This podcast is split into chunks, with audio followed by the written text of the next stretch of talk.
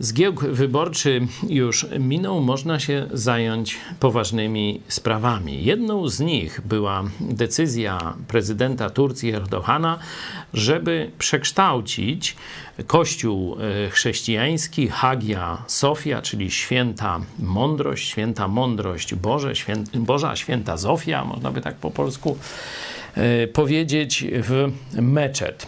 On był meczetem już od czasu zdobycia Konstantynopola przez e, Turków, ale w latach 30. w ramach takiego budowania świeckiego e, państwa tureckiego przekształcono ten meczet, znaczy wtedy fun kościół funkcjonujący jako meczet, on jeszcze minaretami, tymi wieżyczkami został obudowany oryginalnie tych minaretów nie było, przekształcony w muzeum. A teraz Turcy znowu wracają do islamu, chcą, żeby to była taka już islamska też republika, nie świecka, e, stąd i ta decyzja Erdogana.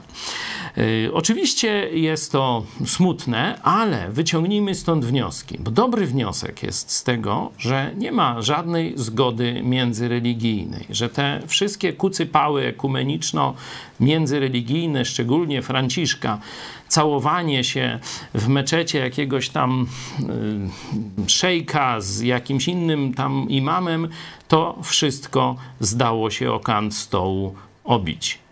Islam jest islamem, a biblijne chrześcijaństwo biblijnym chrześcijaństwem.